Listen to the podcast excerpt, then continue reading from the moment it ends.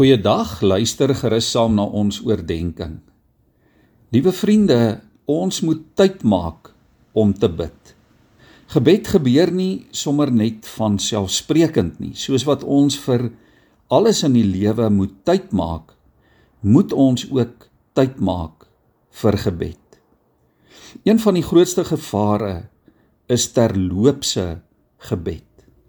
Dat ons so gewoond raak daaraan om vinnig geskied gebed hier en daar op te sê, vinnig voor ete, miskien vanaand voor ek gaan slaap, dalk so hier en daar by 'n ander geleentheid. Die meeste van ons mense is vasgevang in die ritme van 'n gejaagde lewe. Baie mense is bang om alleen te wees.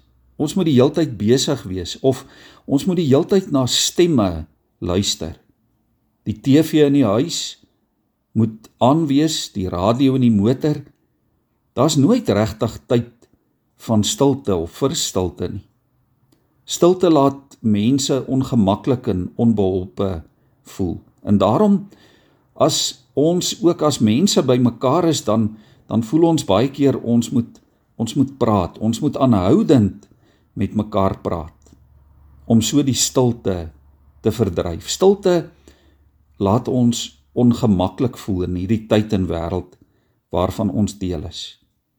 Ons word elke dag gedryf deur die dinge wat dringend is, wat belangrik is, dinge wat gedoen moet word, verantwoordelikhede, prioriteite wat ons aandag vra.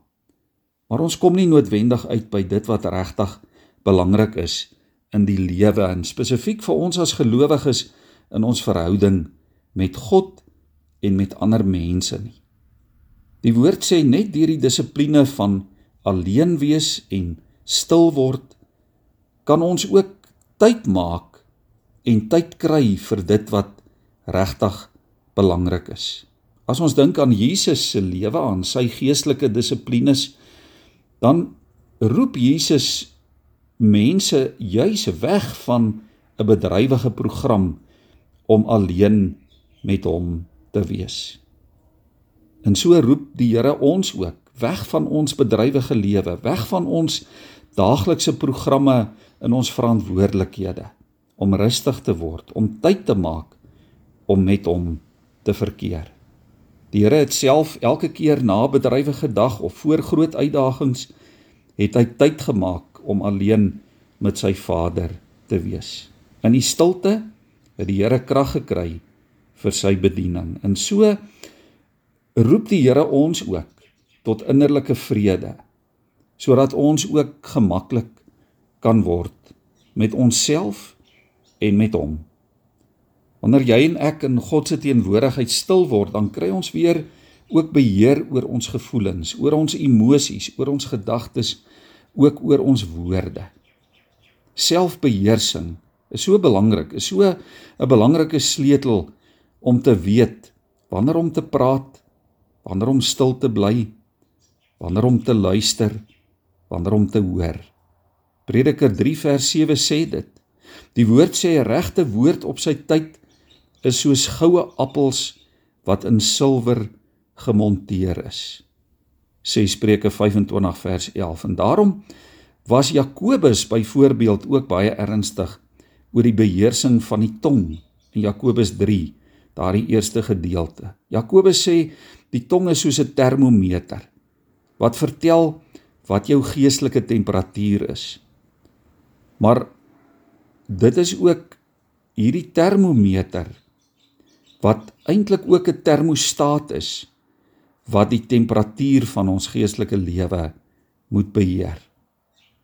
Ja, liewe vriende, wie eers goed geluister het, weet wanneer om te praat en wanneer om stil te bly en hoe om te reageer en hoe om op te tree. En daarom hierdie oproep vandag. Kom ons dissiplineer onsself. Kom ons leer onsself die dissipline aan van stil word. Word eers stil en dink en luister voordat jy praat. Ja, word stil met God. Word stil met die woord. Word stil in gebed en laat jou dade harder praat as jou woorde.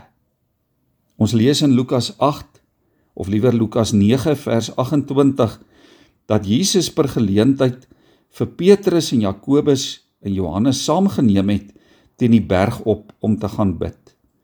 En terwyl Jesus bid, het die voorkoms van sy gesig verander en sy klere het skitterend wit geword. Mag die Here ons help om in gebed stil te word voor hom. Kom ons buig in aanbidding. Here, dit bly steeds vandag ook ons gebed dat U ons sal stil maak, Here. Dat U vir ons die dissipline van stilte, van kalmte, van rustigheid sal aanleer.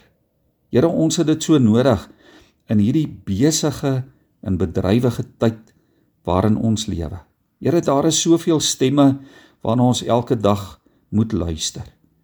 Here, help vir ons om in die stilte te onderskei. Wat is reg en wat is verkeerd? Wat is goed en wat is sleg? Wat is nodig, Here, om te hoor? Dis ons gebed in afhanklikheid in Jesus se naam.